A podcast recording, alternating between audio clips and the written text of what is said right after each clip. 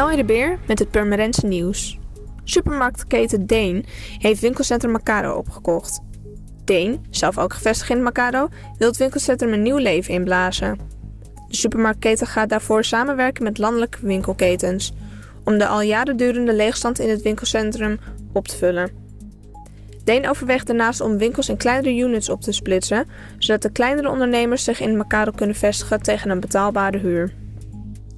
De opening van de speel- en activiteitenweide in het Kooimanpark wordt verplaatst naar woensdag 22 mei. Vanwege het slechte weer heeft de gemeente besloten het feest dat voor vandaag gepland stond uit te stellen. De Jan Blankenbrug gaat een paar dagen dicht voor onderhoud. Van maandag 13 tot en met donderdag 16 mei kan er geen scheepvaart onder de brug door. Voetgangers, fietsers en auto's kunnen wel nog van de brug gebruik maken.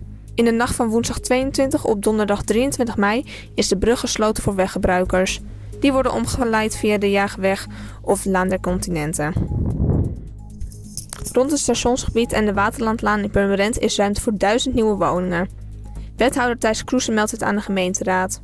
Het college wil dit jaar een stedenbouwkundige visie voor het gebied opstellen. De plek ligt vlakbij het station. Gemeente Purmerend hoopt dat inwoners minder de auto pakken en meer het openbaar vervoer, zodat het centrum van Purmerend autoluw wordt.